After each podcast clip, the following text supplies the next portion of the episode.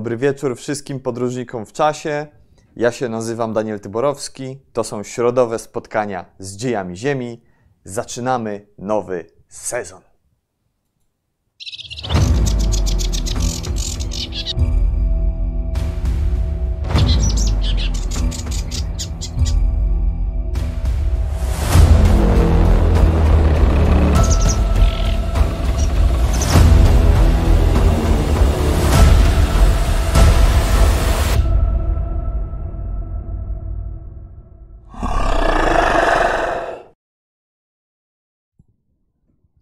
No witajcie, witajcie kochani, witajcie na kanale Wszechnica, na środowych spotkaniach z dziejami Ziemi.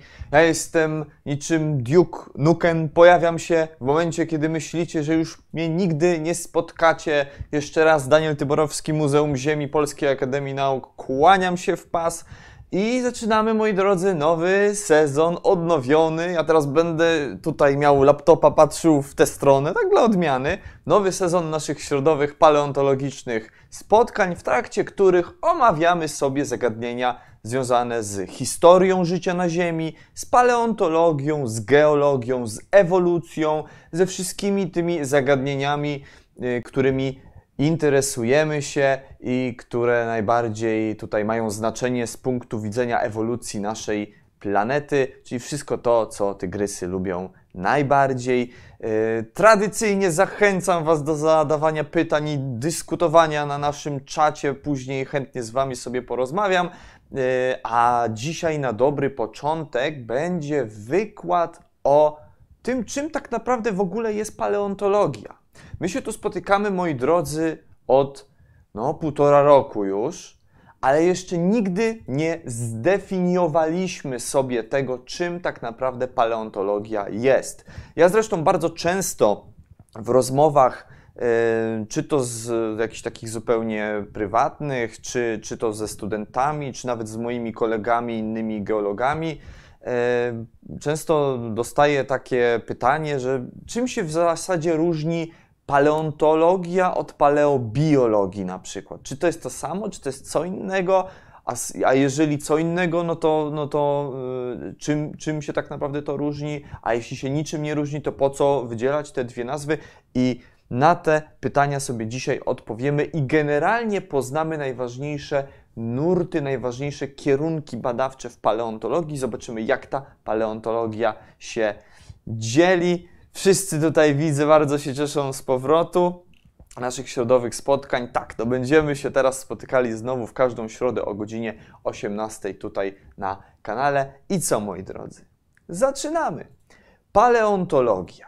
Paleontologia, cóż to tak naprawdę oznacza? Dzisiaj, tak jak powiedziałem, będzie wykład taki trochę bardziej e, nie o jakimś konkretnym zagadnieniu paleontologicznym, ale spojrzymy na tę paleontologię jak na całość i postaramy się wyłuskać w niej mm, pewne określone kierunki, nurty badawcze, y, jakie tam dziedziny się kryją w tejże właśnie paleontologii.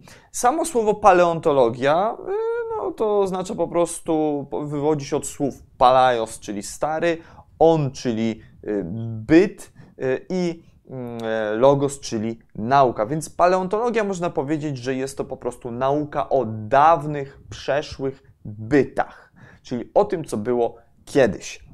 I w takim klasycznym ujęciu, to jest definicja, którą ja też nierzadko gdzieś tam między wierszami Wam sprzedawałem, e, była taka, że paleontologia zajmuje się skamieniałościami, czyli albo szczątkami kopalnych organizmów, organizmów, które żyły w minionych epokach geologicznych, albo śladami działalności życiowej tychże organizmów, czyli na przykład skamieniałościami śladowymi, e, typu tropami, śladami pełzania, rycia w mule, albo na przykład koprolitami, skamieniałymi odchodami, albo na przykład skamieniałymi wypluwkami, wszystkim tym, co żyjące w przeszłości geologicznej organizmy po sobie pozostawiały wiały, więc albo same szczątki organizmów, albo jakieś po nich ślady.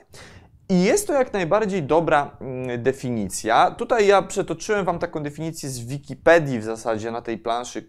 To jest taka definicja, która no w zasadzie odpowiada temu, co przed chwilą powiedziałem. E, Paleobiologię tutaj się wyróżnia jako taki nurt zajmujący się biologiczną interpretacją danych paleontologicznych, ale cóż to tak naprawdę oznacza biologiczna interpretacja danych paleontologicznych? To jest takie dosyć enigmatyczne. Za chwilę sobie porozmawiamy, jak to tak naprawdę rozumieć. Y, I wytłuszczonym y, drukiem napisałem, moim zdaniem, najlepszą najprostszą i najkrótszą definicję paleontologii czy paleontologa. Paleontolog to jest po prostu badacz kopalnego życia. Paleontologia zajmuje się kopalnym życiem, życiem, które było w przeszłości geologicznej. I tyle. Jest to, jak widzicie, bardzo pojemna, niezwykle szeroka definicja. Yy, tutaj się nie stawia jakichś, jakichś granic yy, naprzeciw jakimś konkretnym zagadnieniom czy nurtom. Każdy, kto się zajmuje y, dawnym życiem, ergo, każdy, kto się zajmuje skamieniałościami na dobrą sprawę, tym paleontologiem właśnie będzie, niezależnie od tego, co on będzie chciał od tego dawnego życia, czyli od tych skamieniałości wyciągnąć. Co będzie chciał z nich wycisnąć? Nie ma to znaczenia. Generalnie, jeżeli zajmujemy się skamieniałościami, śladami dawnego życia, to paleontologiem jesteśmy.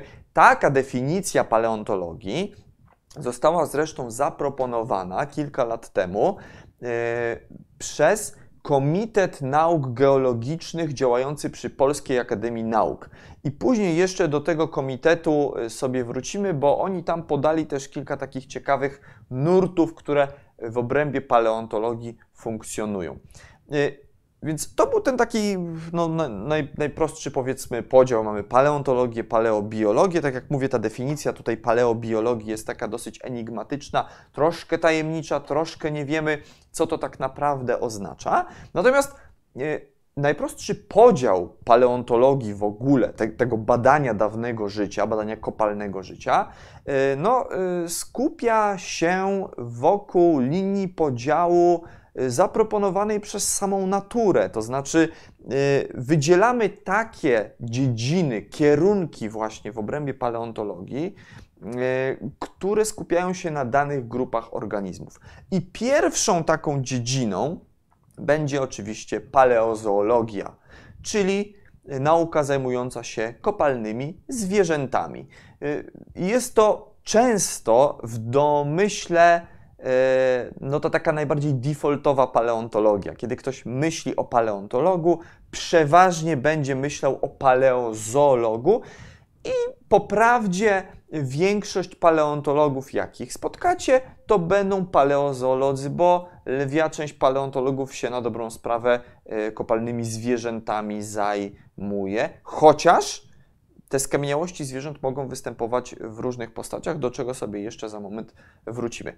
Sama paleozoologia też się jeszcze dzieli oczywiście, zgodnie z podziałem Królestwa Zwierząt na bezkręgowce i na kręgowce, no to i paleozoologia dzieli nam się na po pierwsze paleozoologię bezkręgowców, więc wszystkie te zagadnienia związane z kopalnymi bezkręgowcami i to już jest ta absolutnie lwia część lwiej części paleontologów, przeważnie paleontolodzy się kopalnymi bezkręgowcami będą zajmować, więc będzie to w zasadzie wszystko, co macie na tej planszy, czyli to mogą być jakieś trylobity, to będą koralowce i wszelkiej maści inne organizmy budujące rafy, to mogą być liliowce, to mogą być amonity, to mogą być w końcu jakieś enigmatyczne, dziwne, miękociałe formy życia, które gdzieś tam kiedyś, miliony lat temu, toń wodną sobie penetrowały. E, one również mają swój języczek uwagi, mówię Wam. Więc paleozoologia dzieli się na paleozoologię bez kręgowców i na tą najbardziej zaznaczoną w mass mediach, tak mi się wydaje, paleozoologię kręgowców, yy, tą, która najbardziej nam się kojarzy z jakimiś wielkimi potworami, ale oczywiście yy, kopalne kręgowce to również mogą być niewielkie zwierzęta, których skamieniałości to będą jakieś centymetrowe, jeśli nie milimetrowe szczątki. Do tego sobie też za chwilę yy, dojdziemy. No, w każdym razie to jest ta naj, najbardziej taka ogólna linia podziału paleozoologii. Bezkręgowce i kręgowce to ostatnie pewnie najbardziej kojarzone z dinozaurami. Ale pamiętajcie, że kopalne kręgowce to też będzie cała masa innych zwierząt. To będą oczywiście ssaki, tak jak na tej planszy. To mogą być jakieś w obrębie ssaków mamuty, nosorożce. Nawet jeżeli będzie się to tyczyło skamieniałości, no takich niemalże nam współczesnych, y, to znaczy szczątków na przykład megafauny pleistoceńskiej sprzed kilkudziesięciu tysięcy lat, 20-30, gdzie te skamieniałości no, w zasadzie będą tak zachowane, niemalże tak, jak e, kości zwierząt, które żyją dzisiaj, które umarły gdzieś tam, nie wiem, w lesie czy na polu, e, bo te skamieniałości sprzed paru dziesięciu, czy nawet czasami paru set tysięcy lat E, no one nie przeszły siłą rzeczy tych na przykład różnych procesów geologicznych, jak procesy diagenezy, czyli nie siedziały w skale przez miliony lat, jakieś tam skomplikowane roztwory chemiczne przez nie nie krążyły. To się nie zamieniło w kamień tak naprawdę. W przypadku tej megafauny pleistoceńskiej tak, tak to często jest. E, to mimo to, to ciągle jest paleontologia, to ciągle będzie paleo zoologia. Potrzymamy się, pamiętajcie, tej najobszerniejszej definicji. Każde kopalne życie to już jest paleontologia. Każde badanie kopalnego życia to już jest paleontologia, yy, czyli w tym wypadku nie interesować nas powinno, czy to będą skamieniałości, które mają 400 milionów lat i to będą jakieś ryby pancerne, wiecie, z gór świętokrzyskich, czy yy, kości y, nosorożca y, znalezione pod Gorzowem Wielkopolskim, które mają nieco ponad 100 tysięcy lat i w zasadzie będą tak zachowane jak kości współczesnych ssaków. To nas nie będzie interesowało. To wszystko będzie paleontologia, konkretnie paleozoologia, a konkretnie paleozoologia kręgowców. Obok paleozoologii istnieje ta chyba druga największa działka paleontologiczna, Y, tak powiedzmy, największa tematycznie, a niekoniecznie osobowo, czyli paleobotanika. Y, paleobotanika to będzie po prostu badanie kopalnych roślin, wszelkiej maści skamieniałości roślin, czy to będą całe pnie jakichś karbońskich czy, czy, czy mioceńskich y, drzew, czy drobne pyłki flory, które znajduje się w osadach sprzed, dajmy na to, 12, 13 czy 20 tysięcy lat zaledwie, to ciągle wszystko jest paleobotanika. Pamiętajcie, że tutaj te ramy czasowe, znowu to podkreślam, są bardzo, bardzo szerokie. Ale tak po prawdzie, obok paleozoologii bez kręgowców, najliczniejsza grupa paleontologów, jakich spotkacie, to będą mikropaleontolodzy. I mikropaleontologia jest tą dziedziną paleontologii, która szczególnie mocno y, zaznaczyła się ogólnie w badaniach geologicznych, czy ogólnie powiedzmy no, w różnych dziedzinach z zakresu nauk o Ziemi, środowisku, y, bardzo, bardzo różnych, niekiedy naprawdę bardzo odległych od tego, z czym paleontologia jest kojarzona, bo mikropaleontologia bada po prostu mikroskamieniałości.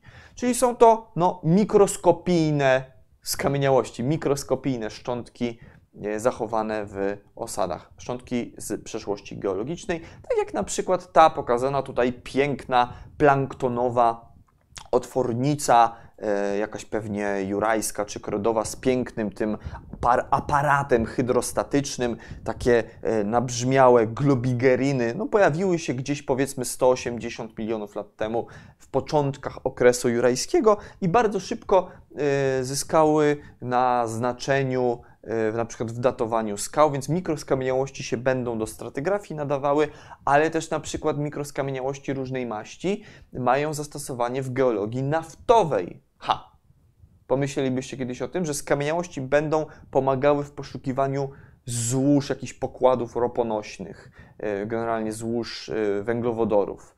Do tego również mikroskamieniałości się e, wykorzystuje. Jest to, powiedziałbym, nawet taka przez firmy naftowe dość powszechnie stosowana metoda. Dlatego siłą rzeczy często jak ktoś będzie tym paleontologiem, no to jeżeli będzie zatrudniony w firmie naftowej e, czy w tego typu instytucji, no to będzie się raczej tymi mikroskamieniałościami właśnie zajmował.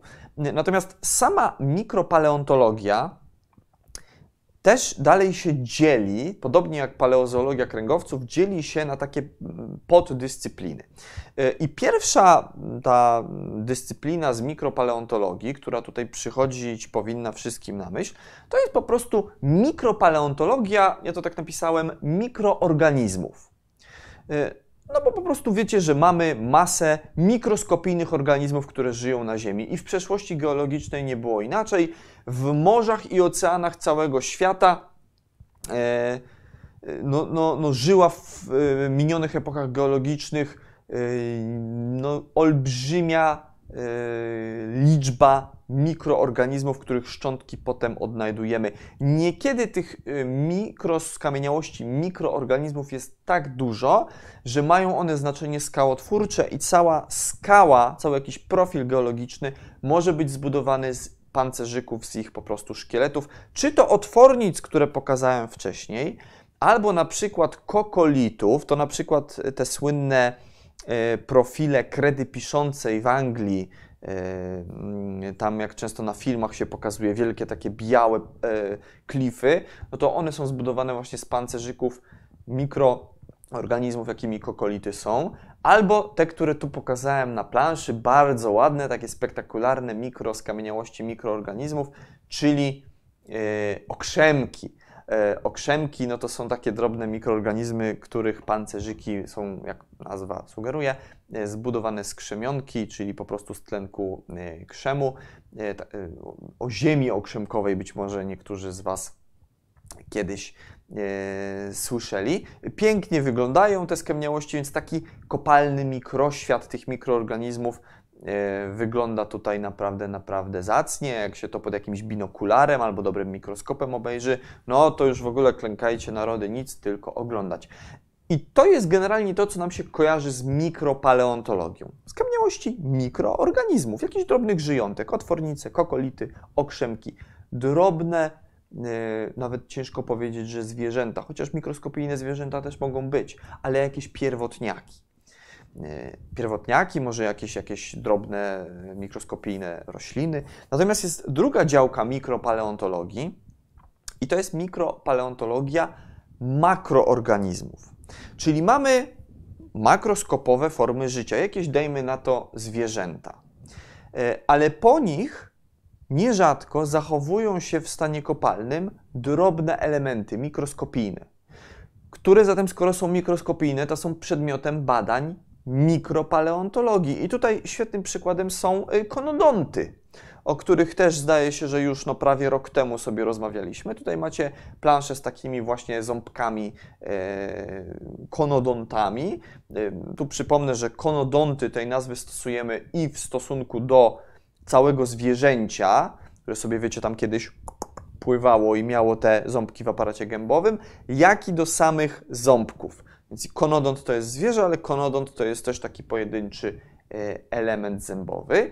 Mm, więc to mogą być elementy tych konodontów. To mogą być jakieś drobne, na przykład łuski albo zęby ryb, e, na przykład rekinów. Wyobraźcie sobie, że kawałek dewońskiego wapienia gdzieś tam spod Kielc jak weźmiecie, taki, który mieści się w dłoni, rozpuścicie go w kwasie octowym, e, to to, co zostanie, ten materiał na przykład fosforanowy, fosforany się nie rozpuszczają w, mm, w kwasie octowym, to będą przeważnie e, jakieś ząbki właśnie rekinów czy innych ryb i ich tam będą tysiące, jeśli nie dziesiątki tysięcy, bardzo, bardzo dużo.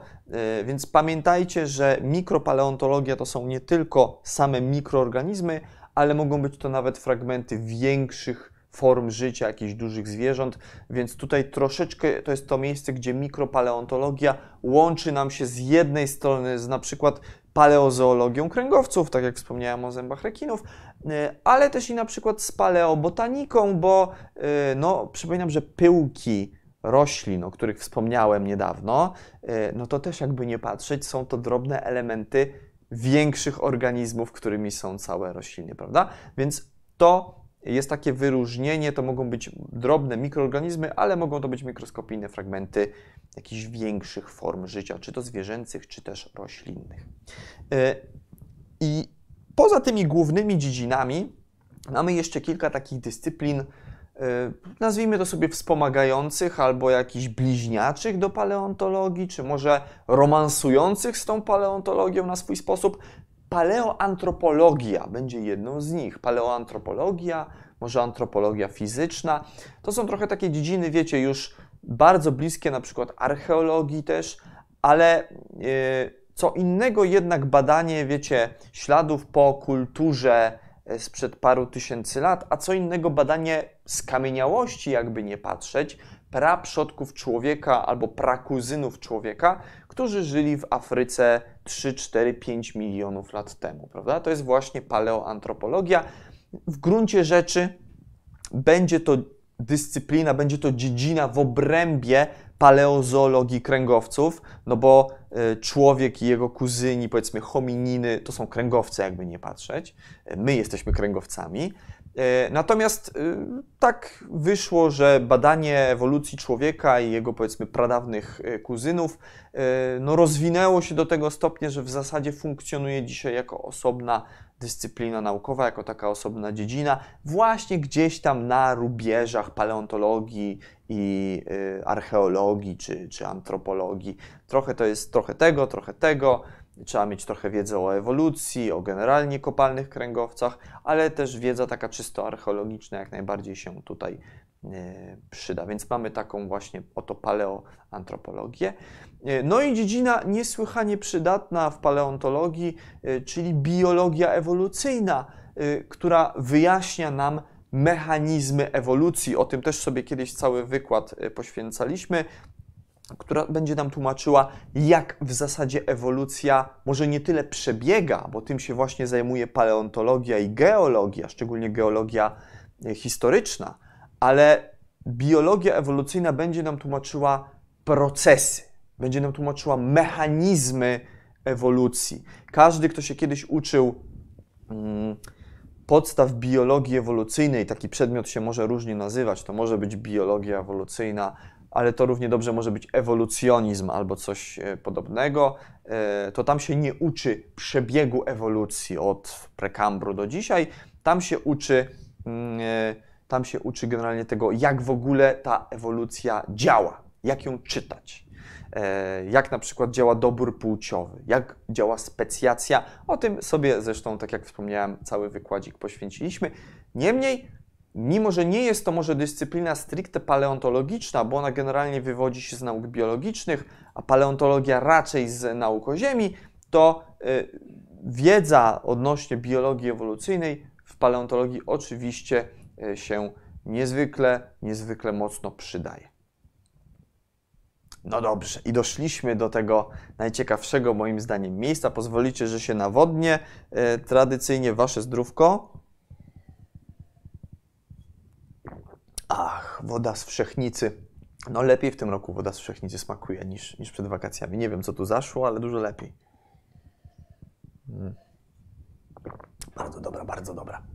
Moi drodzy, to był ten taki, powiedzieć można, klasyczny podział paleontologii mamy, tak jak się dzielą nam grupy organizmów, tak dzieli się sama paleontologia na paleozoologię, kręgowców bez kręgowców, paleobotanikę, mikropaleontologię, dużych, małych itd., tak itd. Tak e, ale wspomniałem na początku, że kilka lat temu działający przy Polskiej Akademii Nauk Komitet Nauk Geologicznych e, zaproponował, czy może nie tyle zaproponował, co stwierdził, że istnieje jeszcze taki podział na. Mm, tu napisałem dyscypliny, bo oni użyli e, takiego sformułowania, ale ja bym właśnie bardziej powiedział, że to już są e, nurty badawcze. Dyscypliny to raczej by były właśnie paleozoologia, paleobotanika, to są dyscypliny.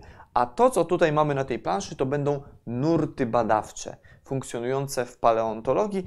E, szczególnie to dla polskiej paleontologii było sformułowane, ale z grubsza y, odpowiada to temu, y, jak w ogóle paleontologię można uprawiać, co tak naprawdę ten paleontolog może z tymi skamieniałościami robić i teraz sobie o tym chwileczkę porozmawiamy. Jak widzicie, oni tutaj podzielili to na takie główne dyscypliny. Po pierwsze jest taksonomia i analiza zapisu paleontologicznego, czy też zapisu kopalnego, jak zwał, tak zwał. Paleontologia aplikacyjna, Brzmi ciekawie, prawda? Być może wielu z, wam, wielu z Was paleontologia się raczej z jakimś takim zastosowaniem konkretnym by się nie kojarzyła do tej pory, ale tu się okazuje, że jest inaczej. Oraz na paleobiologię. Tutaj dojdziemy do tego momentu, od którego zacząłem wykład. E, czy jest jakaś różnica między paleontologią a paleobiologią? Tu już zaspoileruję, że jest, ale o tym na, na sam koniec. No to sprawdźmy sobie, co rozumiemy przez te nurty.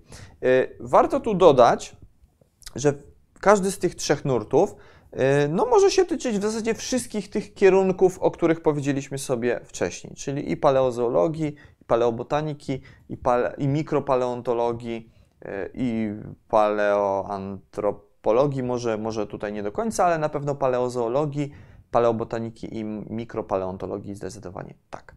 I pierwszy taki nurt e, funkcjonujący w paleontologii jest to taksonomia i analiza zapisu kopalnego. E, I to jest ta najbardziej tradycyjna paleontologia, mówiąc w skrócie. Co to znaczy? To jest nurt, który polega na tym, że najpierw pozyskujemy materiał, na przykład tak jak tutaj ten pan na załączonym obrazku, po prostu pozyskujemy skamieniałości w jakiś sposób, e, patrzymy, co one tam mają, dokonujemy opisu, przykładowo takie, taki szkielet pterozaura, no to patrzymy, jakie tam są kosteczki, opisujemy wszystkie kosteczki. Każdą kosteczkę jeszcze można tam bardziej e, ponazywać, bo wiecie, każdy wyrostek, każdemu wyrostkowi, czy jakiejś dziurce, bruździe, każdemu elementowi morfologicznemu, który na takiej skamieniałości będzie, można nadać jakąś nazwę i powiedzieć, co one tam mają. Później porównać to z jakimiś innymi podobnymi znaleziskami, czyli dokonujemy po prostu opisu i takiej analizy porównawczej.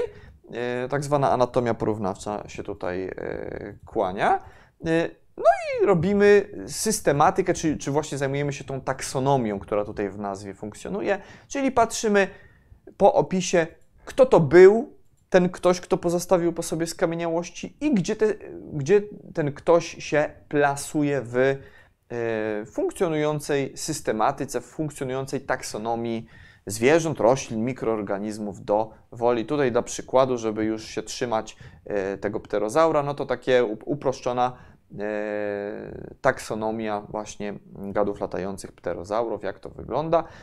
Więc tutaj w tej najbardziej klasycznej paleontologii, jaką jest taksonomia i analiza zapisu kopalnego, chodzi o to, że pozyskujemy okazy, opisujemy je, porównujemy z innymi podobnymi dostępnymi e, w kolekcjach e, muzealnych oraz robimy taką analizę związaną z taksonomią, czyli kto to w ogóle był, w jakiej rodzinie, jaka rodzina, jaki rząd i tak dalej, i tak dalej. Ewentualnie jakieś pokrewieństwa, może jakaś analiza filogenetyczna, kto z kim bliżej, a kto e, dalej.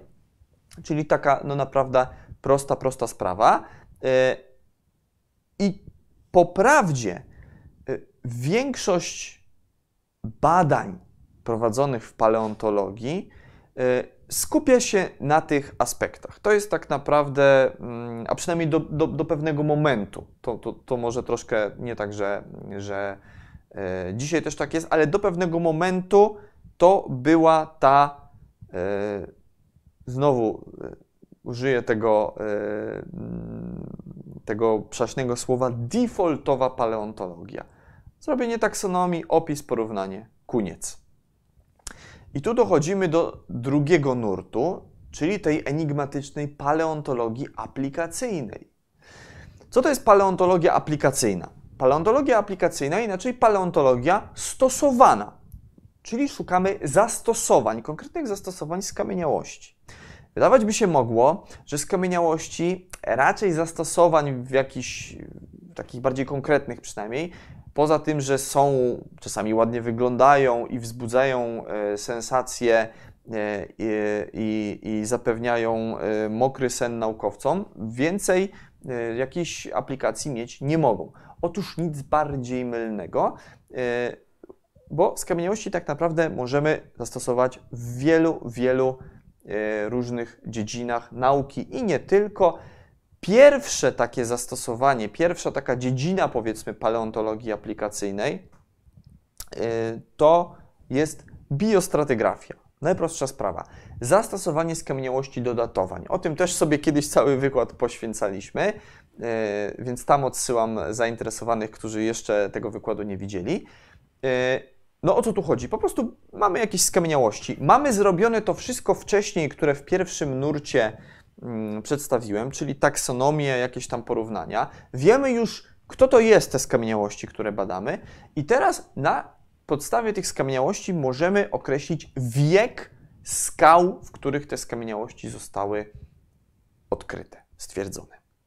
E, czyli datujemy profil, tak jak jest to pokazane na tym przykładzie. Tutaj mamy e, dańskie e, otwornice planktonowe. Dańskie, czyli z samego początku naszej ery kenozoicznej. Może pamiętacie, kiedyś śpiewałem tutaj piosenkę Maastricht Dan. Maastricht Dan, no to Maastricht to była ostatnia jednostka czasowa e, ery mezozoicznej. Dan zaczyna nam już erę kenozoiczną, czyli tę, w której my dzisiaj żyjemy.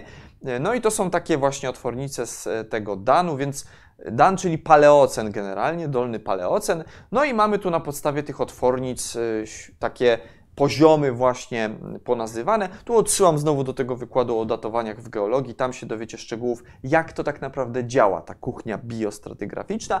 Generalnie chodzi o to, że pewne skamieniałości, tak zwane skamieniałości przewodnie, mają takie właściwości y, wynikające z ich ewolucji, Y, że nadają się do datowań, bo albo bo, bo, bo, bo bardzo szybko ewoluowały, czyli dany gatunek żył krótko, miały szeroki zasięg geograficzny, dobrze się zachowują w stanie kopalnym i tak dalej, i tak dalej. Tam jest jeszcze kilka takich czynników, o tym wszystkim kiedyś wspominałem. Y, mikroskamieniałości, a zatem mikropaleontologia do biostratygrafii nadaje się wprost idealnie. I większość naprawdę przeważająca większość biostratygrafów, czy stratygrafów też po prostu, z jakimi możemy mieć do czynienia, będzie uprawiała te biostratygrafie w oparciu o mikroskamieniałości, o otwornice, o radiolarię, o y, jakieś kalpionellidy, o konodonty i o masę, masę innych, bo tak się składa, że ten, te wszystkie mikrożyjątka, które przez setki milionów lat żyły sobie w oceanach na naszej planecie, y, ewoluowały y, stosunkowo szybko i dość dobrze do datowań, do tej biostratygrafii się nadają. Y, tak jak mówię, jeżeli Was interesują szczegóły, a nie widzieliście tego wykładu, to on się czas oczami geologa, zdaje się, tak to się chyba nazywało, to polecam tam dokładne takie wskaźniki tego, kiedy skamieniałości nadają się do datowań, podałem. Ale nie tylko mikroskamieniałości nadają się do biostratygrafii, bo jest kilka takich grup makroskamieniałości, głównie tych zwierzęcych, e, która, mm, które, e, e, które również do stratygrafii, do datowań się nadają. Tu jako przykład podaję graptolity, czyli takie żyjące, te akurat są planktonowe, żyjące w toni wodnej bezkręgowce, E, całkowicie wymarła grupa niedaleko spokrewniona z przodkami kręgowców, tak sobie e, powiedzmy. Kiedyś też o graptolitach opowiadałem, e, tam szczegółowo mówiłem, kim są graptolity, jak wyglądała ich szczegółowa biologia. Tu akurat macie porównanie czterech profili geologicznych ordowiku, czyli powiedzmy no tam około, około 400 kilkadziesiąt milionów lat temu. Zobaczcie, wszędzie można skorelować, dokonać korelacji stratygraficznej e, skał w zasadzie z różnych miejsc na świecie za pomocą właśnie skamieniałości, które w nich się będą znajdowały. Więc e, zawsze, kiedy się robi jakieś takie naprawdę podstawowe badania geologiczne, typu mamy jakieś profile nowe, zupełnie odsłonięcia geologiczne, kiedy na przykład robi się mapy geologiczne. No, żeby zrobić mapę geologiczną, my musimy wiedzieć, jakiego wieku skały występują na danym obszarze, bo mapa geologiczna polega na tym, że są na niej zaznaczone, zaznaczone różnymi kolorkami skały różnego wieku. No ale żeby znać ten wiek, musimy wiedzieć, jak go określić. Do tego paleontologia aplikacyjna nadaje się jako w zasadzie najpowszechniejsza metoda, więc takie zastosowanie skamieniałości jak ta biostratygrafia tutaj, no to nam się wtedy przed nami kłania, musimy ją zastosować. Więc to jest pierwsza z tych metod w obrębie, tych metod aplikacyjnych, w obrębie paleontologii aplikacyjnej. Druga to jest, tutaj tak napisałem ogólnie, analiza paleośrodowiskowa. Bo skamieniałości to są szczątki po dawnych organizmach, które żyły sobie w jakichś określonych warunkach środowiskowych. Skoro tak, to my teraz, znając upodobania środowiskowe danych organizmów, kiedy znajdziemy ich szczątki, to jesteśmy w stanie powiedzieć, jakie warunki środowiska panowały na danym obszarze w danej epoce geologicznej ileś tam tysięcy czy milionów lat temu. To jest analiza paleośrodowiskowa, więc możemy na podstawie różnych skamieniałości albo całych zespołów skamieniałości określić, jaka była temperatura w danym zbiorniku, jakie było zasolenie, jakie było nasłonecznienie, Czyli czy było płytko, czy było głęboko? Jaka była ogólnie dynamika środowiska? Czy było tutaj spokojnie, nic się nie działo, y, tam nie było falowania, nie było żadnego prądu wody? Czy przeciwnie, było dynamicznie, sztormy, w ogóle y, jakieś prądy niesłychane, falowania, dostawa osadu? To wszystko ze skamieniałości jesteśmy w stanie wyczytać i potem stworzyć taki, to, to też jak się robi takie przekroje geologiczne, czy takie przekroje e, no, facjalne, tak byśmy powiedzieli po geologicznemu, to każda, jak widzicie na tym przekroju, każdy taki zaznaczony różnym kolorkiem, raz jest żółty, raz jest brązowy, raz jest zielony. To są takie różne typy środowisk w uproszczeniu, różne typy facji, które mm, są charakterystyczne dla różnych grup skamieniałości. I tutaj po prawej stronie macie też pokazane, jakie to mogą być skamieniałości. Tam będą ślimaki, e, będą, mm, będą amonity e, i będzie masa, masa mikroskamieniałości właśnie, e, czyli jakieś małżoraczki, będą kalpionellidy, radiolarie i tak dalej, i tak dalej, bo każdy organizm potrzebuje określonych wymogów środowiska. Więc to jest analiza paleośrodowiskowa, ale zaznaczam już w tym momencie, że przy przy właśnie paleontologii aplikacyjnej chodzi o to, żeby używać tych skamieniałości, wiedzy o ich ekologii w celu zrekonstruowania warunków środowiska. To, co Wam powiedziałem wcześniej. Temperatura, zasolenie, nasłonecznienie, dynamika itd., tak itd. Tak Interesuje nas w tym momencie środowisko. Y, jakbyście zapytali dziś takiego zupełnie zajmującego się współczesną przyrodą biologa, czy powiedzmy ekologa, to on by powiedział, że jest to tak zwana synekologia. Bo ekologia dzisiejszych organizmów dzieli się na autekologię, czyli taką ekologię yy, jakby organizmu po prostu, i synekologię, czyli oddziaływanie organizmu ze środowiskiem. I ta analiza paleośrodowiskowa to by była taka paleosynekologia. Będzie nas interesowało to środowisko, w którym organizm funkcjonował. My wykorzystujemy ten organizm, żeby uzyskać wiedzę o środowisku, w jakim żył. Na tym polega aplikacyjność tej metody. Y, szczególną y, taką, mm, o tutaj jeszcze taki przykład właśnie Tutaj było o takich małych skamieniałościach, teraz o trochę większych. No na przykład macie taką deltę, gdzie różne grupy dinozaurów żyły w różnych miejscach. No to jak najbardziej możemy wykorzystać wiedzę o biologii, o ekologii tych dinozaurów, żeby stwierdzić w jakim środowisku one bytowały. Szczególnie tutaj będą się nadawały do tego tropy dinozaurów, które e, taką wiedzę o warunkach środowiskowych będą ze sobą niosły. I tutaj przechodzimy płynnie do takiej szczególnej dziedziny w obrębie, mm, w obrębie tej analizy paleośrodowiskowej, y, to będzie ichnologia. Też kiedyś sobie o tym rozmawialiśmy, o ichnologii czy analizie ichnofacji, czyli wyróżnia się różne typy środowisk na podstawie ichnoskamieniałości, śladów działalności życiowej, tropów dinozaurów nad jakąś rzeką, śladów pełzania tajemniczych bezkręgowców, śladów zagrzebywania się, rycia w mule, etc., etc.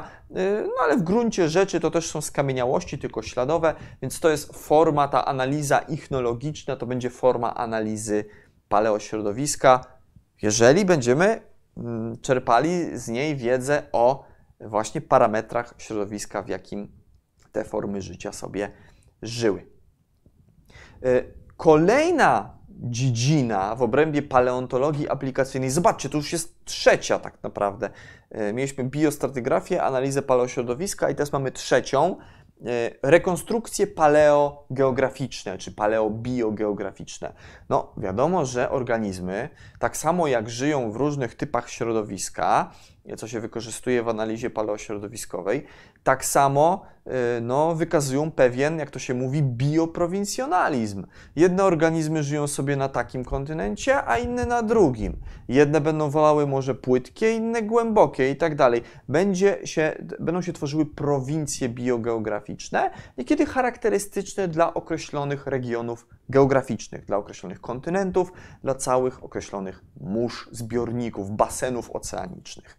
Y, I na tej podstawie będziemy w stanie, studiując skamieniałości, określić, jak wyglądał układ lądów i mórz w przeszłości geologicznej. Tak jak jest to pokazane na tej planszy, tu na przykładzie jakichś dinozaurów rogatych, kiedy określono, kiedy powstał pomost lądowy łączący dwa lądy Laramidię i Apalachię. One w późnej kredzie, te powiedzmy 70 kilka milionów lat temu, przedzielone były płytkim morzem szelfowym, e, które łączyło Zatokę mm, e, Meksykańską, czy w ogóle Morze Protokaraibskie z mm, Oceanem Arktycznym, na dobrą sprawę. W którymś momencie nastąpiło połączenie tych lądów e, te morza północne i południowe uległy odcięciu. Wiemy to na podstawie fauny, bo fauna zaczęła migrować. Skoro dwa lądy się połączyły, no to powstał pomost lądowy dla różnych gatunków zwierząt i pewnie nie tylko zwierząt. Znacie też na pewno sytuację z powstaniem yy, przesmyku panamskiego, kiedy Ameryka Północna połączyła się z Ameryką Południową.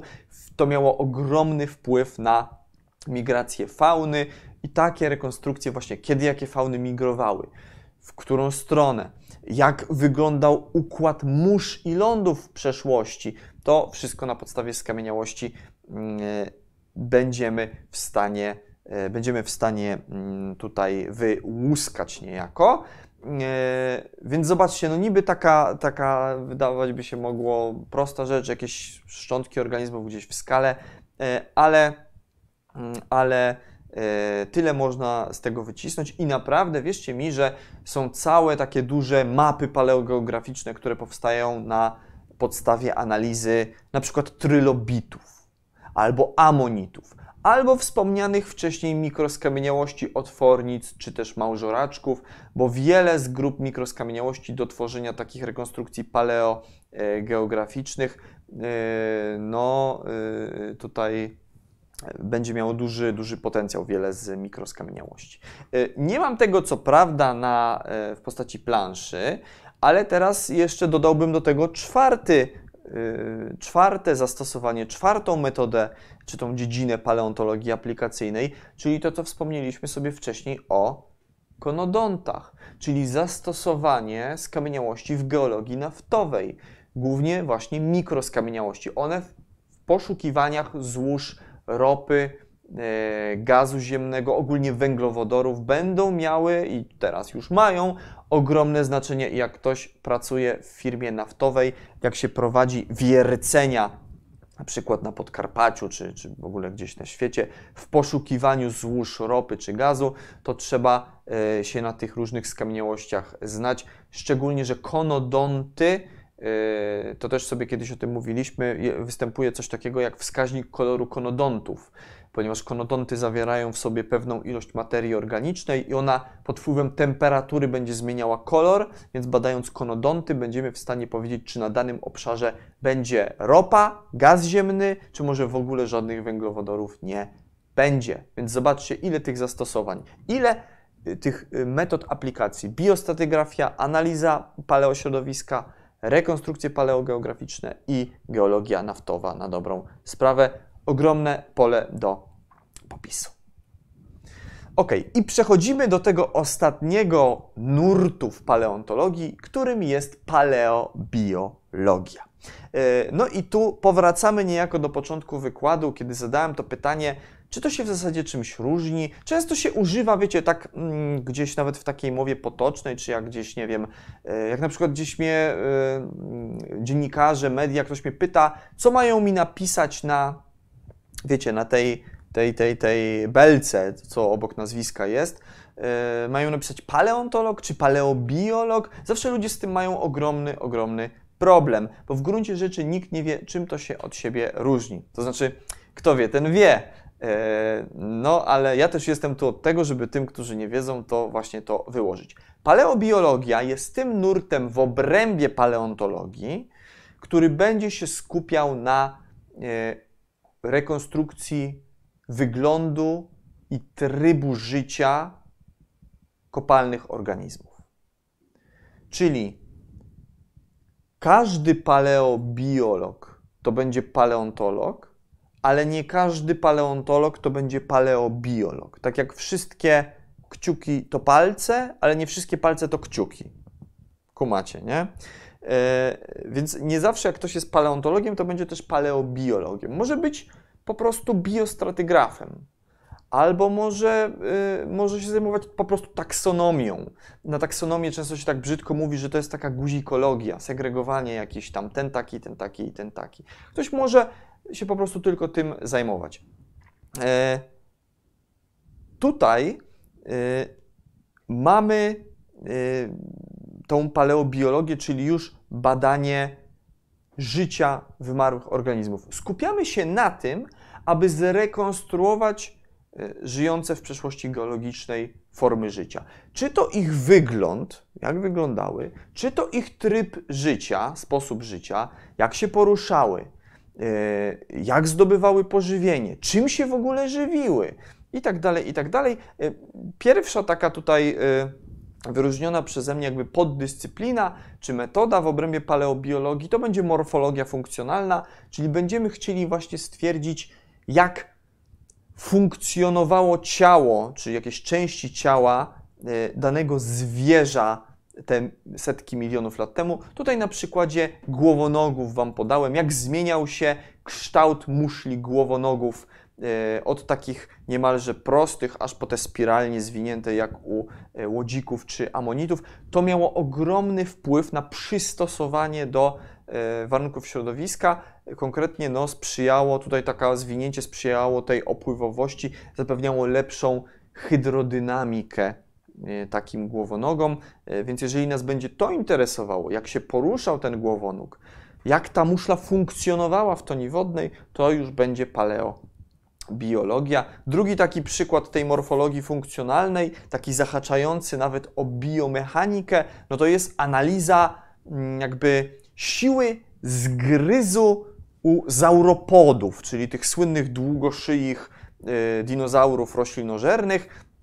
I tutaj na podstawie analiz takich właśnie biomechanicznych, czyli po prostu analizy sił, naprężeń istniejących w kościach, w kościach czaszki, w kościach szczęk w tym wypadku, jesteśmy w stanie stwierdzić, czy taki dinozaur, czy jaki tam zauropod, e, czy jakby mm, rozdrabniał pokarm, e, którą częścią paszczy go rozdrabniał. I mamy takich, którzy rozdrabniali przodem, pyska. Tu ich widzimy, e, tu widzimy takich e, po lewej stronie. Mamy takich, którzy raczej tyłem szczęk woleli, czyli tych mamy z prawej, ale i tych takich, u których raczej dominował ten, e, ta, ta część środkowa szczęki. Ich mamy po, po środku. Tak to mamy pokazane, jak się rozkłada ta, jak się te naprężenia tutaj rozkładają, powiedzmy w tych, w przypadku tutaj tych kilku zauropodów. Więc tego typu analizy możemy przeprowadzić, jak dane zwierzę e, się odżywiało, która część jego czaszki była bardziej wytrzymalsza, która mniej. To wszystko mówi nam już o, e, o konkretnie o życiu, o trybie życia takiego dinozaura. E, no i z morfologii funkcjonalnej jest już tylko rzut beretem do paleoekologii. I to tutaj to zasługuje na kilka słów takiego dłuższego wyjaśnienia, bo przy paleontologii aplikacyjnej rozmawialiśmy o analizie paleośrodowiska. E, I tam mówiłem, że e, tam to chodzi o to, że my znając warunki środowiska, w jakich żyło dane zwierzę, e, rekonstruujemy właśnie te warunki środowiska, czyli nas interesuje temperatura, zasolenie, to jak środowisko wyglądało. Ale w przypadku paleobiologii będzie nas interesowała już konkretnie paleoekologia, a dokładnie ta paleoautekologia. Bo pamiętacie, mówiłem, że ekologia dzieli się na synekologię, czyli te interakcje organizm-środowisko i na autekologię, czyli tą taką e, ekologię powiedzmy własną, tą ekologię e, danego organizmu. E, o co to chodzi? Tu chodzi o to po prostu, jak zwierzę funkcjonowało w swoim środowisku, jak się odżywiało, czym się odżywiało, jakie miejsce w łańcuchu pokarmowym zajmowało. Tak jak mamy to tu na przykładzie tej scenki permskiej, zdaje się, sprzed powiedzmy 200, 200 chyba 80, 270 milionów lat, gdzie mamy rekina, takiego przaśnego rekina e, Triodus, e, kompletnie nie przypominającego dzisiejsze rekiny, e, w którego trzewiach znaleziono dwa szkielety płaza, mm, dwa szkielety płazów z grupy temnospondyli. To były takie płazy na przełomie paleozoiku i mezozoiku bardzo powszechne, a z kolei w trzewiach tego płaza znaleziono szkielety ryby y, faudopłetwej, akantoda. W ten sposób można było zrekonstruować taki prosty łańcuch pokarmowy. Mamy konsumenta pierwszego rzędu, którym będzie ryba faudopłetwa, akantod. Y, bo akantody generalnie były drapieżnikami, więc no to jest y, konsument pierwszego rzędu. On został zjedzony przez płaza temnospondyla, to jest konsument drugiego rzędu, a ten został pożarty przez tego dziwnego e, rekina triodusa, który jest tym, tutaj byłby tym szczytowym drapieżcą, konsumentem trzeciego rzędu. Czyli chodzi nam o to w paleoekologii, tej już, e, jeżeli bawimy się w paleobiologię, o to, jak funkcjonował dany zwierz. My badamy ekologię, ale w celu w celu poznania e, tego organizmu, a nie środowiska, w jakim on żył. Tak po prawdzie, to często w praktyce paleontologicznej wygląda tak, że jak się zajmujemy już e, paleoekologią, to i zajmujemy się zarówno tą częścią paleobiologiczną, czyli interesuje nas to, jak organizm polował, co jadł, czyli te, ta jego powiedzmy autekologia, ale i przy okazji badamy warunki środowiska, temperaturę, zasolenie i tak dalej, i tak dalej, bo to jest wszystko, jak się pewnie domyślacie, to są naczynia połączone, więc można wtedy powiedzieć, że praktykujemy i paleobiologię, i y, paleontologię aplikacyjną. Ach, jak to, jak to ładnie, jak to dumnie brzmi paleontologia aplikacyjna. Y, paleoekologia to jest nie tylko takie rekonstruowanie tego, kto kogo zjadał, czy mm, czym się żywił y, dany jegomość, którego, y, którego, którego studiujemy, ale również na przykład badanie innych oddziaływań ekologicznych, oddziaływań biotycznych zachodzących w przyrodzie, na przykład e, analiza pasożytnictwa. I tu o pasożytach też sobie kiedyś rozmawialiśmy. Przypominam e, ciekawy przykład z takimi tajemniczymi pasożytami, które nie wiadomo kim były, pewnie to były jakieś robaki albo coś podobnego, które na kambryjskich ramienionogach z Chin te 530 zdaje się milionów lat temu sobie pasożytowały. To również jest paleoekologia, ale przyznacie, że no, to nam mówi o jakby tej ekologii relacji pasożyt-żywiciel, e, a nie o samych warunkach e, środowiska, tak przynajmniej nie w takim prostym przełożeniu. Ok, omówiliśmy sobie e, wszystkie te najważniejsze nurty. Taki, taka chwilka uwagi na koniec jak to z grubsza mm, dzielą się te dziedziny, to znaczy jak to ilościowo wygląda. Kiedyś dominowała taksonomia i analiza zapisu kopalnego. Kiedyś to była raczej taka po prostu guzikologia, badanie ten jest taki, ten jest taki, ten jest taki, koniec. Dzisiaj przeważająca większość paleontologów to są paleontolodzy aplikacyjni. Przeważnie są to biostratygrafowie albo e, to są ludzie zajmujący się analizą paleośrodowiska, czyli interesuje nas datowanie, określenie wieku, E, oraz rekonstrukcja warunków środowiskowych, czy właśnie czy ciepło, czy zimno, głęboko, płytko, etc., etc., wszystko to, co mówiłem, oraz w mniejszości jednak niż paleontolodzy aplikacyjni, ale również staje się to coraz bardziej popularne paleobiologia.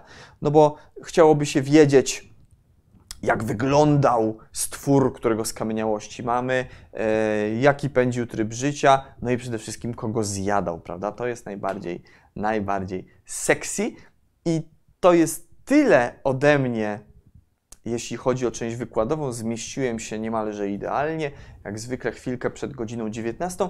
No i mamy czas, żeby sobie porozmawiać, yy, moi mili. Yy, widzę, że tutaj jest yy, wszyscy najważniejsi, mm, powiedzmy, członkowie uniwersum środowych spotkań z dziełami Ziemi się pojawili na czacie, ale też wiem, że Was przybyło trochę przez wakacje, przez te no ponad 3 miesiące troszkę Was się pojawiło. Mam nadzieję, że dołączycie tutaj na stałe do naszej wesołej paleontologicznej ferajny i sobie co środę będziemy się mm, ze sobą spotykali. Zobaczę, co tam, co tam pisaliście, moi drodzy, i przy okazji znowu Wasze zdrowie łyczek wody biorę.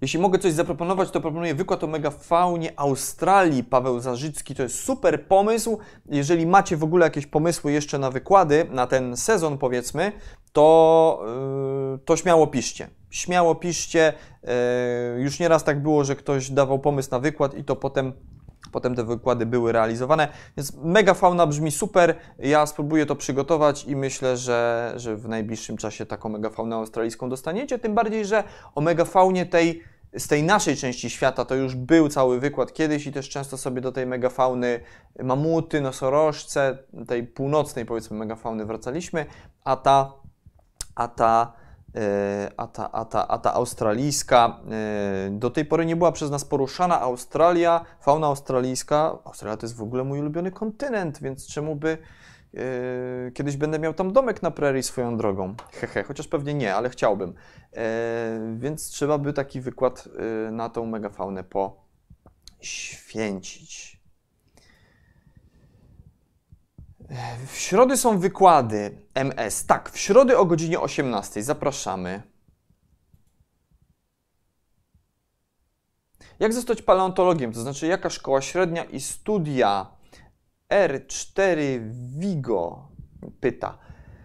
Pamiętam, że takie pytanie kiedyś się pojawiło na wykładzie e, QA na, na 100 mm, pytań o dzieje Ziemi, część druga chyba. To było rok temu przed świętami Bożego Narodzenia i ja tam cały, mm, cały taki e, poświęciłem temu segment, gdzie opowiadałem, e, co studiować, gdzie studiować. Mm, to tam, tam, tam odsyłam. E, tam tak szeroko pamiętam, mam wrażenie, że, że dość dobrze odpowiedziałem na to pytanie.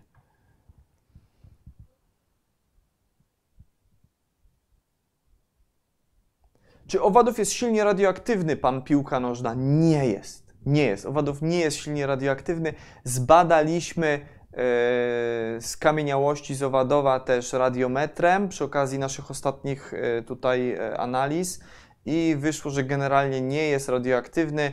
E, pani profesor Długosz Lisiecka, która generalnie pochodzi z Opoczna, to mi tak powiedziała, że e, no rejon Opoczna nigdy nie był jakiś szczególnie promieniotwórczy, więc tam, tam niestety tej radioaktywności e, nie udało się takiej wzmożonej, podwyższonej stwierdzić.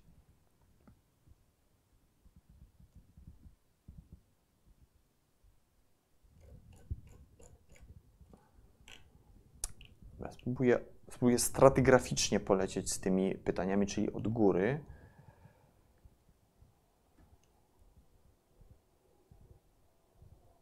Czemu nikt nie lubi roślin? One nie są nudne, zielony umysł. To nie jest tak, że nikt nie lubi roślin. Jest sporo mm, paleobotaników również.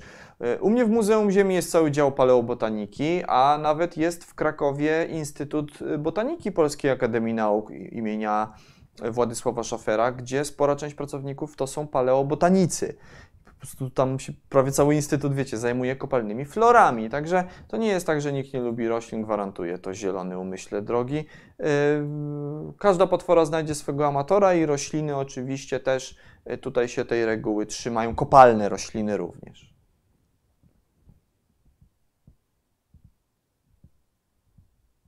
A na przykład odcinek o tym, jak się pojawiły rośliny na Ziemi. Tobias Szczepaniak.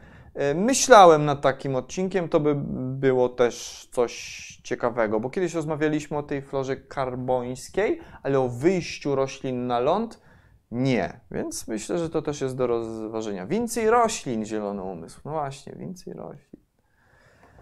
No dobrze, chcecie więcej roślin, może będzie więcej roślin, zobaczymy. Chociaż ja mówię, w paleobotanice nie czuję się mocny, ale jakbym poświęcił troszeczkę więcej czasu na, na takie przygotowanie wykładu, to myślę, że spokojnie o wyjściu roślin na ląd byśmy tutaj, tutaj sobie mogli całą godzinkę pogadać.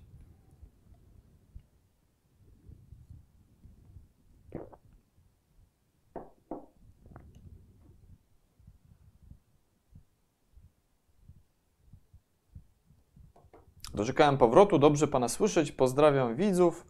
E, napisał Kuba Ceski, e, no chyba nie myśleliście, że tak łatwo ja stąd zniknę.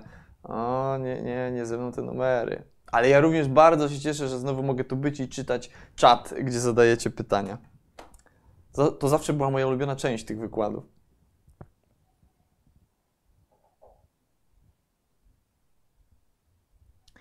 Skąd wiadomo, że skamieniała kość z późnej kredy należy do wczesnego ssaka, a nie do przykład małego dinozaura lub odwrotnie? Pytanie zadaje Maria. Otóż, Mario, jest to proste, dlatego że yy, no, takie kości różnią się od siebie i to znacznie, więc yy, kość powiedzmy udowa ssaka kredowego będzie wyglądała inaczej niż kość udowa małego dinozaura. Będzie miała te wspomniane przeze mnie jakieś wyrostki inaczej wykształcone, inny kształt będzie miała. Po prostu będzie się różniła kształtem, e, więc jak się to porówna z kośćmi innych, czy to ssaków, czy małych dinozaurów, to sprawa myślę mm, się rozwikła.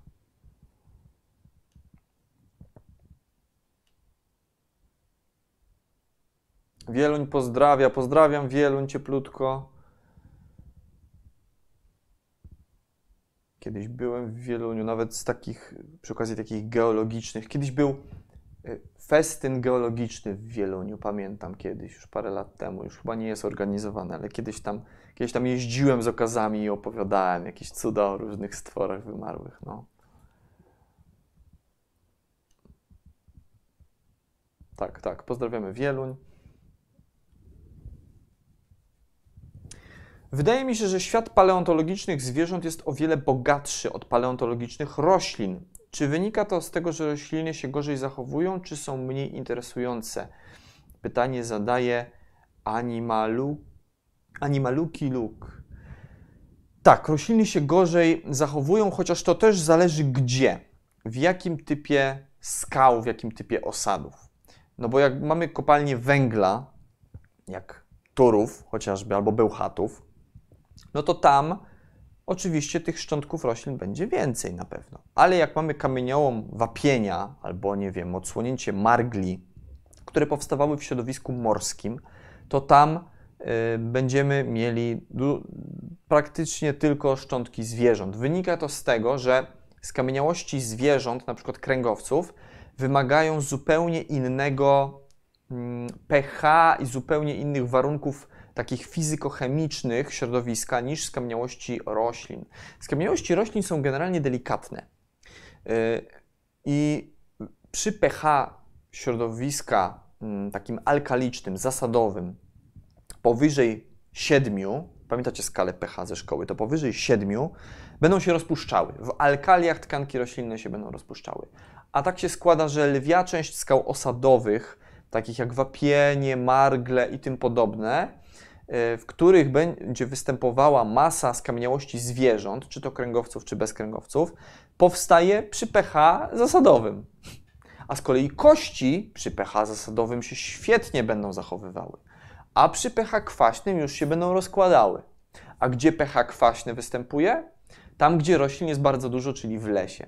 Czyli widzicie, że tutaj jest troszeczkę taki konflikt interesów, jeżeli mm, chodzi o e, szukanie skamieniałości roślin lub zwierząt, chociaż trzeba pamiętać, że no nie zawsze jest to prawdą. Czasami są takie stanowiska, gdzie i rośliny, i zwierzęta mogą być znajdowane, ale należy tutaj e, no, pamiętać, że generalnie będzie tak, że jak gdzieś w jakichś wapieniach mamy skamieniałości zwierząt, to tam roślin nie znajdziemy, a z kolei w kamieniołom, w kopalni węgla e, raczej znajdziemy skamieniałości roślin, jakieś skamieniałości zwierząt również mogą się trafić, ale będzie ich dużo, dużo mniej. Natomiast tak ogólnie jakbyśmy popatrzyli, wydaje mi się, że generalnie większość środowisk kopalnych, z jakimi mamy do czynienia, to, są, to, są, to były środowiska raczej sprzyjające zachowywaniu się skamieniałości zwierząt. Jednak. Rośliny w bardziej ograniczonym stopniu, mówię to w zasadzie głównie by były jakieś, e, jakieś kopalnie węgla lub coś podobnego. A kamieniołomów z wapieniami, piaskowcami, e, marglami, e, mułowcami mamy o wiele, o wiele więcej.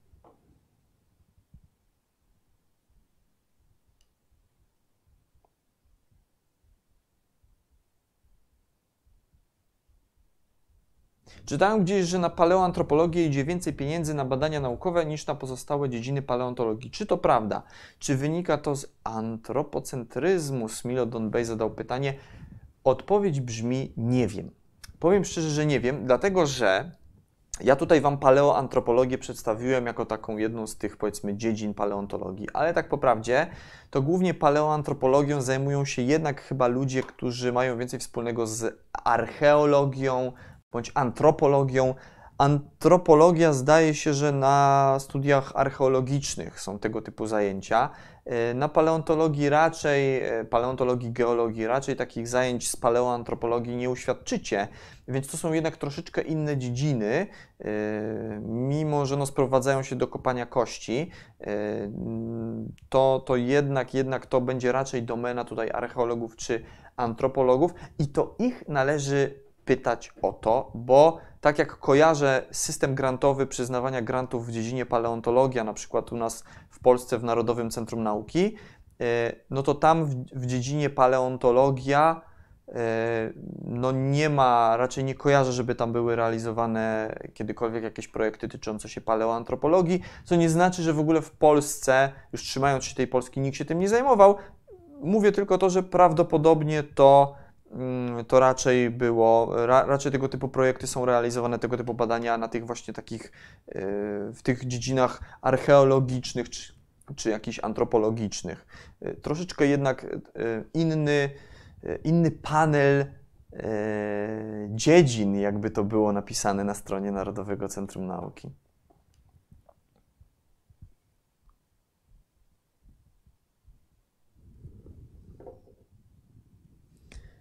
Witam, słucham zapisów Pana wykładów na Spotify od ostatnich kilku tygodni w mojej wyjątkowo nudnej pracy. Nie ukrywam, że bardzo umila mi to dzień i pozwala rozruszać szare komórki. Pozdrawiam, napisał e- Ed tak e, zgaduję, że tak powinno się e, przeczytać nick. Bardzo się cieszę, bardzo się cieszę, że gdzieś ktoś w ogóle słucha tych wykładów tak w pracy. Wiecie, ja też generalnie jak pracuję, to puszczam sobie w tle jakieś podcasty. Znaczy lubię jak ktoś tam gada w tle.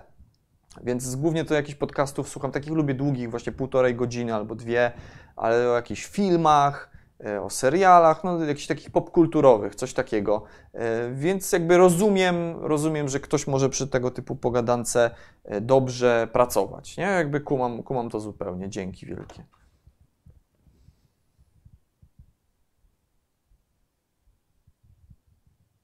A ja jako historyk podsunę nowy nurt wykorzystanie skamieniałości przez człowieka. Ozdobny budulec eksponaty, napisał Dominik Sobel. Y, no tak, tak, y, absolutnie tak się wykorzystuje też skamieniałości, chociaż wydaje mi się, że jako budulec to raczej tak nieumyślnie, nie? Jak gdzieś tam zawsze amonita się na polskiej wsi gdzieś w odpowiednich regionach znajdzie w jakimś płocie kamiennym albo coś. Y, no wiecie, ludy też nawet takie z przeszłości wykorzystywały różne obiekty geologiczne e, na swoich potrzeb, jak na przykład krzemionki opatowskie. To co prawda nie są skamieniałości, ale również twory geologiczne, a i pradawni ludzie wykorzystywali no, kości mamutów, żeby budować sobie chociażby schronienie, prawda? Więc no, ludzie już, to, to wtedy co prawda nie były skamieniałości z ich punktu widzenia, tylko no, żyjące z nimi współcześnie mm, jakby równolegle do nich e, zwierzęta. E, no ale ogólnie tak, też jest tego typu mm, jakby sposób wykorzystania skamieniałości. Wszelkiej maści, wiecie, giełdy ze skamieniałościami, gdzie też się głównie te skamieniałości pozyskuje w celach takich e, ozdobnych, czy no, żeby po prostu ładnie na półce wyglądały. No to jest ogromny, ogromny biznes, wiecie. Ja sam pamiętam, jak kiedyś w latach 90. rodzice mnie zabierali na giełdę na Politechnikę Warszawską i tam chodziłem, buszowałem, szukałem różnych okazów. No więc, więc tak, to, to myślę, że ten nurt ma się, ma się bardzo, bardzo dobrze. Od czego wzięła się nazwa paleontologia? Jana y, Gloss pyta. Y, no, tłumaczyłem na początku, że pale, paleos to jest dawny, on to jest byt, a logos to jest nauka, czyli to jest nauka o dawnych bytach, nauka o pradawnych bytach, o bytach z przeszłości, tutaj z dopiskiem geologicznej, tak to można rozumieć. W przeciwieństwie do neontologii, która by się zajmowała funkcjonującymi dzisiaj bytami, no ale raczej dzisiaj stosujemy po prostu nazwę biologia, prawda? Chociaż tak jak dzisiaj pewnie udowodniłem Wam tym wykładem, to no, skamieniałości mają dużo szersze zastosowanie niż tylko takie czysto paleobiologiczne powiedziałbym wręcz, że mm, głównie stosuje się je w tych wszystkich innych e, tutaj dziedzinach, jak właśnie datowania, geologia naftowa i tak dalej.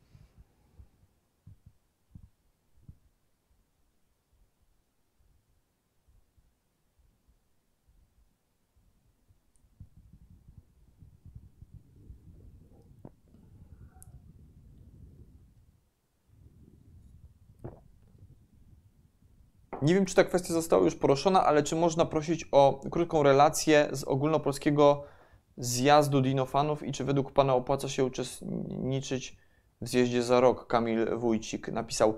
E, pewnie, że się opłaca uczestniczyć. Nie wiem, czy jest sens robić jakąś relację tutaj. Już jak Was interesuje bardzo relacja ze zjazdu dinofanów, to na e, kanale Krzyśka Poznańskiego na Naukowo TV tam taka relacja była, którą nawet żeśmy razem coś tam nagrywali.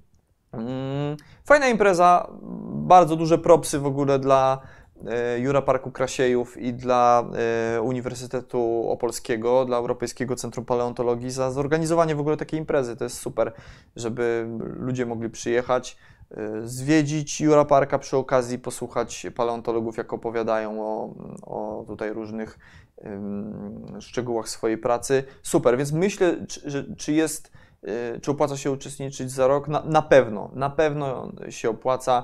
Y, ja bardzo miło to wspominam, super spędzony weekend, także gorąco polecam za rok wszystkim. Y, ci, którzy nie wiedzą, no to w tym roku w lipcu odbył się pierwszy taki zlot dinofanów, 9 chyba 11 lipca, o ile dobrze pamiętam, właśnie w Jura Parku Krasiejów. Impreza wyszła całkiem nieźle, myślę, że za rok będzie powtórka. I, i, I pewnie te imprezy będą się z roku na rok cieszyły coraz większym powodzeniem. Także, także myślę, że na pewno jest, jest sens się tam zgłaszać, żeby przyjechać, posłuchać. Jeżeli ja też będę za rok, to zbić pionę oczywiście, pogadać. E, no, także, także super. Naprawdę, naprawdę świetna impreza.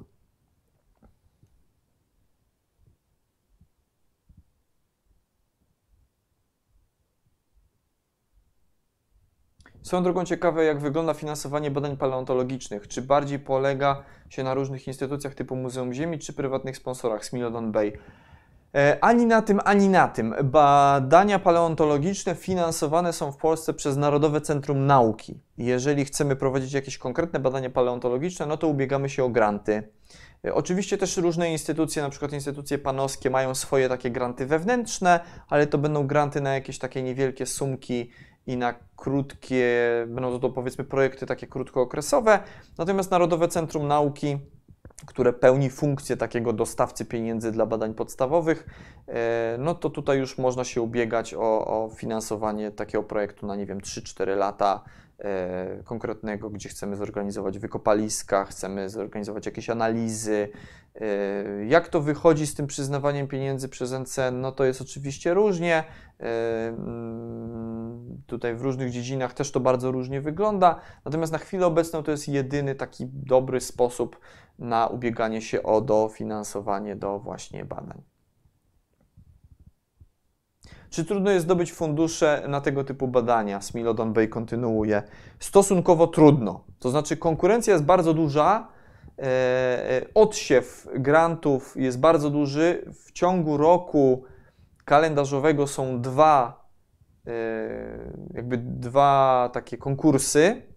Jeden jest w czerwcu, drugi jest w grudniu. E, to jest kupa pracy jest przy takim projekcie, wierzcie mi, jest niewyobrażalnie dużo roboty przygotowywania e, takiego grantu, wniosku grantowego, e, a dostanie takiego grantu jest bardzo, bardzo trudne, tak naprawdę. Bardzo, bardzo trudne. Także nie ma lekko, po prostu paleontolog w Polsce, no nie ma lekko, moi drodzy, niestety.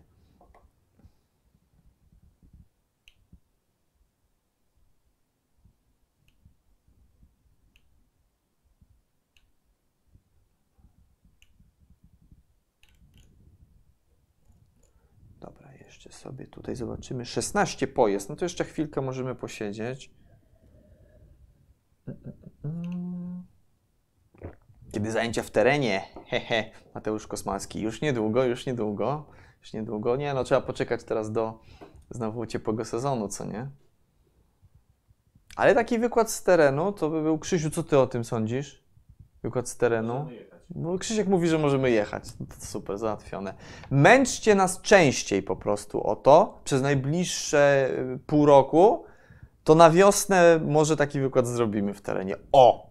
To jest y, do, dla Was y, do zapamiętania.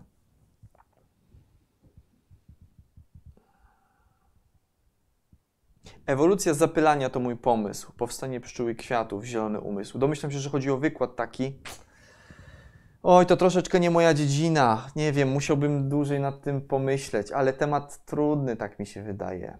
To jest chyba raczej takie w domenie, wiecie, współczesnej biologii, czy ekologii, czy botaniki. Ciężki, ciężki temat.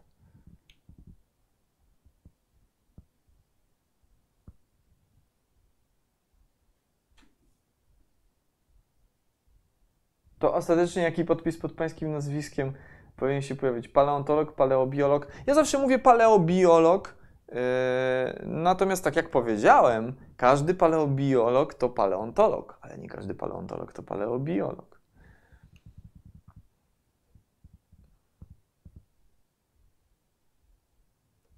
A co z bursztynami i ich zawartością? Piotr Jedrasik. No, to też cała potężna dziedzina yy, geologii, paleontologii się tym zajmuje, takie inkluzje w bursztynie. Tutaj głównie paleoentomologia wkracza, która będzie dziedziną paleozoologii bezkręgowców po prostu.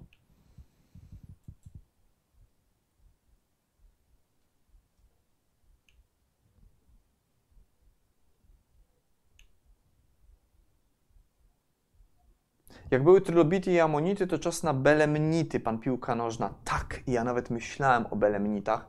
Kiedyś już tam, co prawda, gdzieś przy różnych okazjach, żeśmy sobie o tych belemnitach wspominali, ale tak nigdy jeszcze takiego pełnego wykładu belemnitom nie poświęcaliśmy i może myślałem o takim wykładzie, żeby zacząć od belemnitów, a potem przejść na te różne inne głowonogi, e, takie wiecie, spokrewnione z belemnitami, inne pochewkowce, kamarnice, mątwy, nie? coś tego typu, zarówno kopalne, jak i żyjące dzisiaj. Y, co wy na to? Chcecie taki wykład o belemnitach? To niedługo sobie zrobimy. To, był, to byłby fajny temat.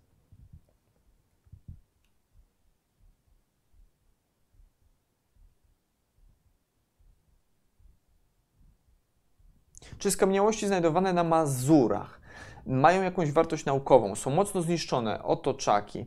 Spotykam głównie belemnity, koralowce, muszlowce, ramienionogi, ślimaki, czasem trylobit. Mazur z Mazur napisał. Pozdrawiamy Mazury. E, no, generalnie na Mazurach nie ma jakichś takich konkretnych stanowisk paleontologicznych, o których by się słyszało. Głównie to jest taki skład e, faunistyczny, jak tutaj Mazur z Mazur nam podał. I rzeczywiście to będą skamieniałości takie raczej obtoczone, gdzieś tam zerodowane, już takie powiedzmy w gorszym stanie zachowania, e, więc one jakiejś dużej wartości naukowej raczej mieć nie będą, chociaż z na tym obszarze jakby były postawione wiercenia i tam byśmy mieli jakieś bardziej kompletne profile geologiczne i w nich skamieniałości, na przykład takich, dajmy na to, belemnitów, to by to już wartość dla takiej chociażby biostratygrafii miało. Więc tutaj absolutnie bym niczego nie wykluczał, nawet terenu Mazur.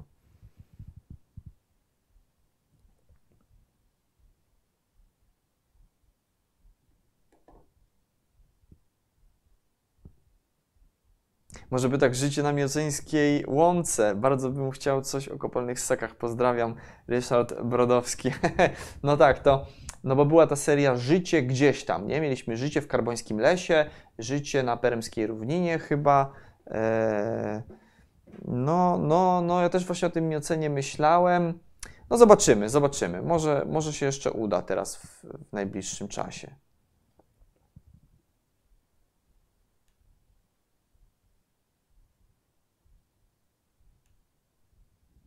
Dobra, mamy 21 po, kochani. Będziemy powolutku kończyli. Więc ja dopijam wodę. Jeszcze szybko tu patrzę. E, ma Pan już tematy przyszłych wykładów? W razie gdyby brakowało, to może dałoby się zahaczyć o historię lotu przez owady, przez prodaktyle ptaki po nietoperze, napisał kadmus.pl.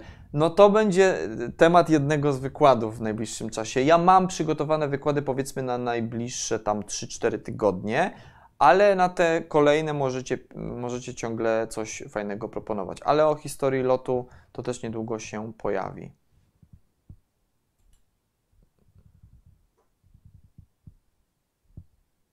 Na Jurze to co drugi mur ma amonita. Mateusz Kosmalski. No właśnie, no właśnie, nie tylko na Jurze. W Górach Świętokrzyskich podobnie niekiedy.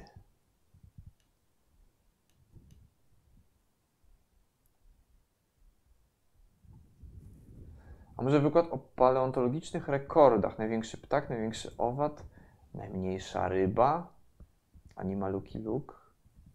No ciekawe, ciekawe. Taki, y, takie topki myślicie? No, no, no może, może, tak. Te, też nad tym myślałem jakiś czas temu. Hmm. Dobra, kiedy wykład o płazach? Kurczę, widzę, że wy mi czytacie mi w myślach. No tutaj i ten lot, i te płazy. To, to ja, ja już nad tym myślałem. Także płazy będą niedługo, tak powiem. E, odpowiadam Marcinowi e, e, Zapale, odpowiadam. E, płazy będą niedługo. Dobrze, mamy 19.23, to kończymy na dzisiaj. E, szybko mówię, co za tydzień. Za tydzień będzie wykład o tym, jak powstały szczęki w ogóle. Jak powstały szczęki, no, w głównej mierze jak powstały rybie szczęki, bo to u ryb szczęki powstały po raz pierwszy, więc będzie taki wykład łączący paleontologię kręgowców z biologią ewolucyjną, czy też z ewolucyjną biologią rozwoju, więc tutaj już rączki, wszyscy fani e, różnych teorii na temat pochodzenia części ciała, to zapraszam. Będzie o szczękach, będzie o zębach, to za tydzień e, o powstaniu szczęk. E, płazy będą już niedługo w, w którymś tam następnym wykładzie. Dziękuję Wam pięknie za tę za te premierę. Chyba ponad 140 osób było, naprawdę super, super wynik E, na początek nowego sezonu. I co, moi drodzy, widzimy się za tydzień o 18 tutaj na kanale w środowych spotkaniach z dziełami Ziemi. Ci wszyscy, co dotrwali do końca, niech koniecznie napiszą dzieje Ziemi w komentarzach. Tradycyjnie taka nasza mała y, tradycja. Y, no i co? To tyle, moi drodzy. Paleontologiczne pozdrowienia. Do zobaczenia. Cześć.